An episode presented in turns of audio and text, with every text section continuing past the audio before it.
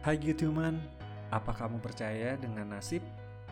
Kembali lagi di Hopcon 1020 bersama gue Kelvin yang akan ngebagiin 10 ide slide dalam waktu 20 menit. Kemarin gue ngebaca sebuah penelitian yang sangat menarik. Penelitian ini dilakukan oleh venture capital bernama Idea Lab.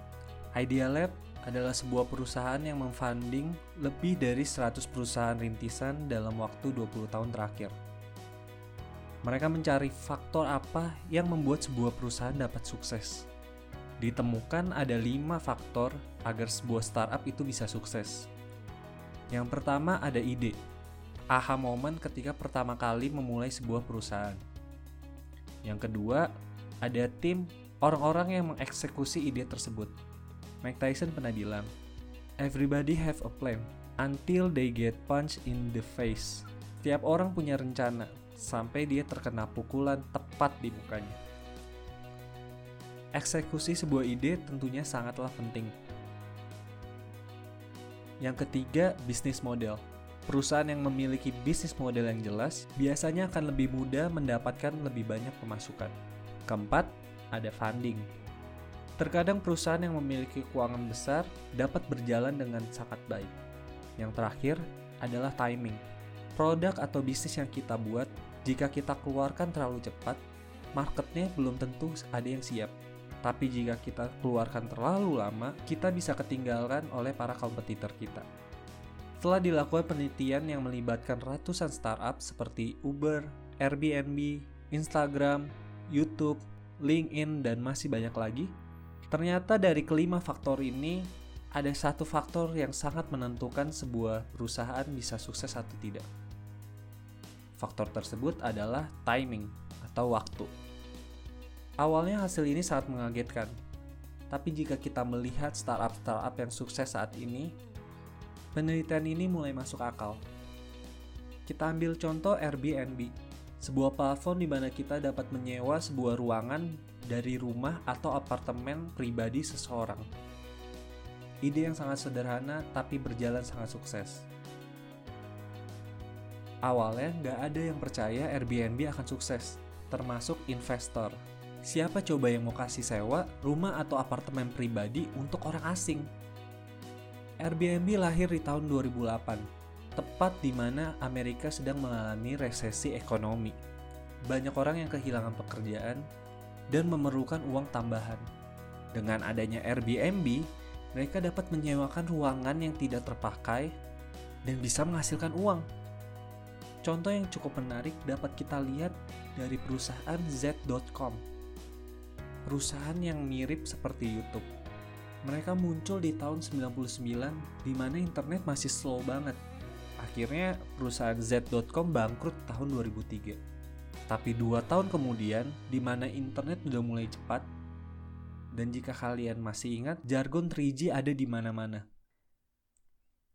Itu adalah waktu yang sangat tepat untuk YouTube lahir. Dan sisanya adalah sejarah. Waktu sangatlah penting. Keberuntungan adalah kata lainnya. Perusahaan-perusahaan startup yang saat ini berjaya adalah hasil dari kombinasi dari bisnis model, tim, ide, dan keuangan yang baik. Tapi lebih dari itu semua, nasib mereka ditentukan oleh sang waktu.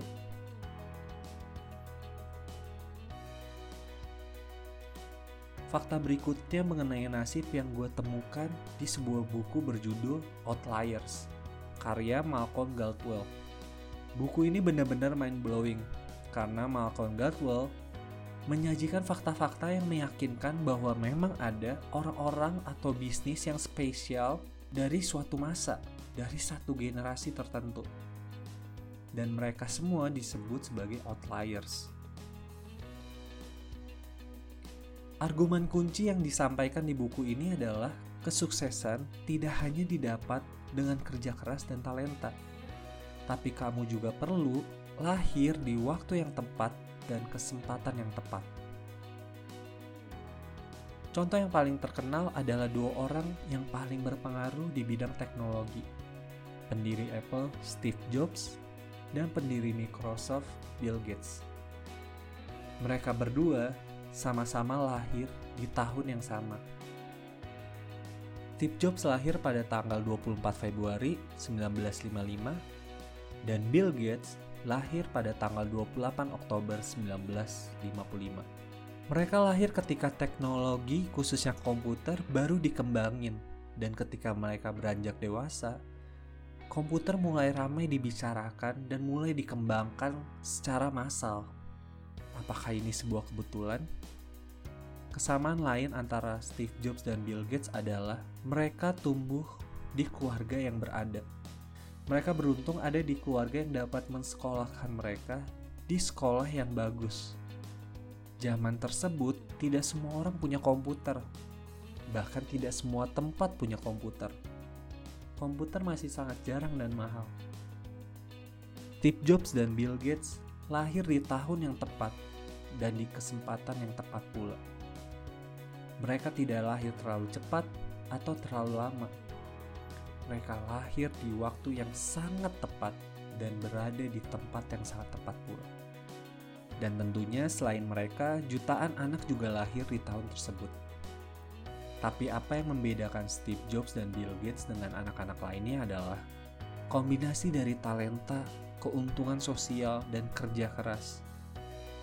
Dan yang terpenting, waktu yang tepat untuk mereka. Sedikit cerita untuk menguatkan fakta ini. Cerita ini sangat terkenal dan mungkin sebagian dari kamu pernah mendengarkan quotes yang disampaikan Steve Jobs. You cannot connect the dots looking forward. You can only connect them looking backwards. So you have to trust that dots will somehow connect in your future. You have to trust in something. Your God, destiny, life, karma, whatever. Kamu tidak dapat menyambungkan titik-titik dalam hidup kamu dengan melihat ke depan. Kamu hanya dapat menyambungkannya dengan cara melihat ke belakang. Jadi, kamu harus percaya dengan titik-titik kehidupan yang kamu temui di masa depan. Kamu perlu percaya dalam sesuatu, naluri, tujuan, kehidupan, karma, apa pun itu. Quotes ini lahir dari kehidupan Steve Jobs sendiri. Pada awalnya, Steve adalah anak yang lahir dari pasangan muda bernama Abdul Fattah Jandali dan Joanne Skibble. Sayangnya, hubungan kedua muda ini tidak direstui karena Abdul Fattah adalah seorang Muslim dan Joanne berasal dari keluarga Katolik yang sangat kuat. Akhirnya mereka memutuskan hubungan dan menyerahkan Steve kecil kepada Paul dan Clara Jobs. Keluarga Jobs memiliki latar belakang pendidikan dan finansial yang kuat, sehingga Steve Jobs dapat sekolah dan kuliah di tempat yang ternama. Tak lama setelah drop out kuliah, Steve mendirikan Apple, perusahaan yang menciptakan personal komputer pertama di dunia. Tak berlangsung lama setelah Apple sukses, Steve Jobs harus menerima kenyataan bahwa dia dipecat dari perusahaan yang dia buat sendiri. Tapi pemecatan ini membuat Steve Jobs bertemu dengan dunia animasi dan Pixar. Perpaduan keduanya menghasilkan film Toy Story yang meledak di pasaran dan mengubah grafik film animasi secara keseluruhan sampai hari ini. Pada akhirnya Steve kembali ke Apple, perusahaan yang dia dirikan dengan sepenuh hati dan perjalanan panjang Steve Jobs memiliki buah yang dapat kita nikmati sampai sekarang.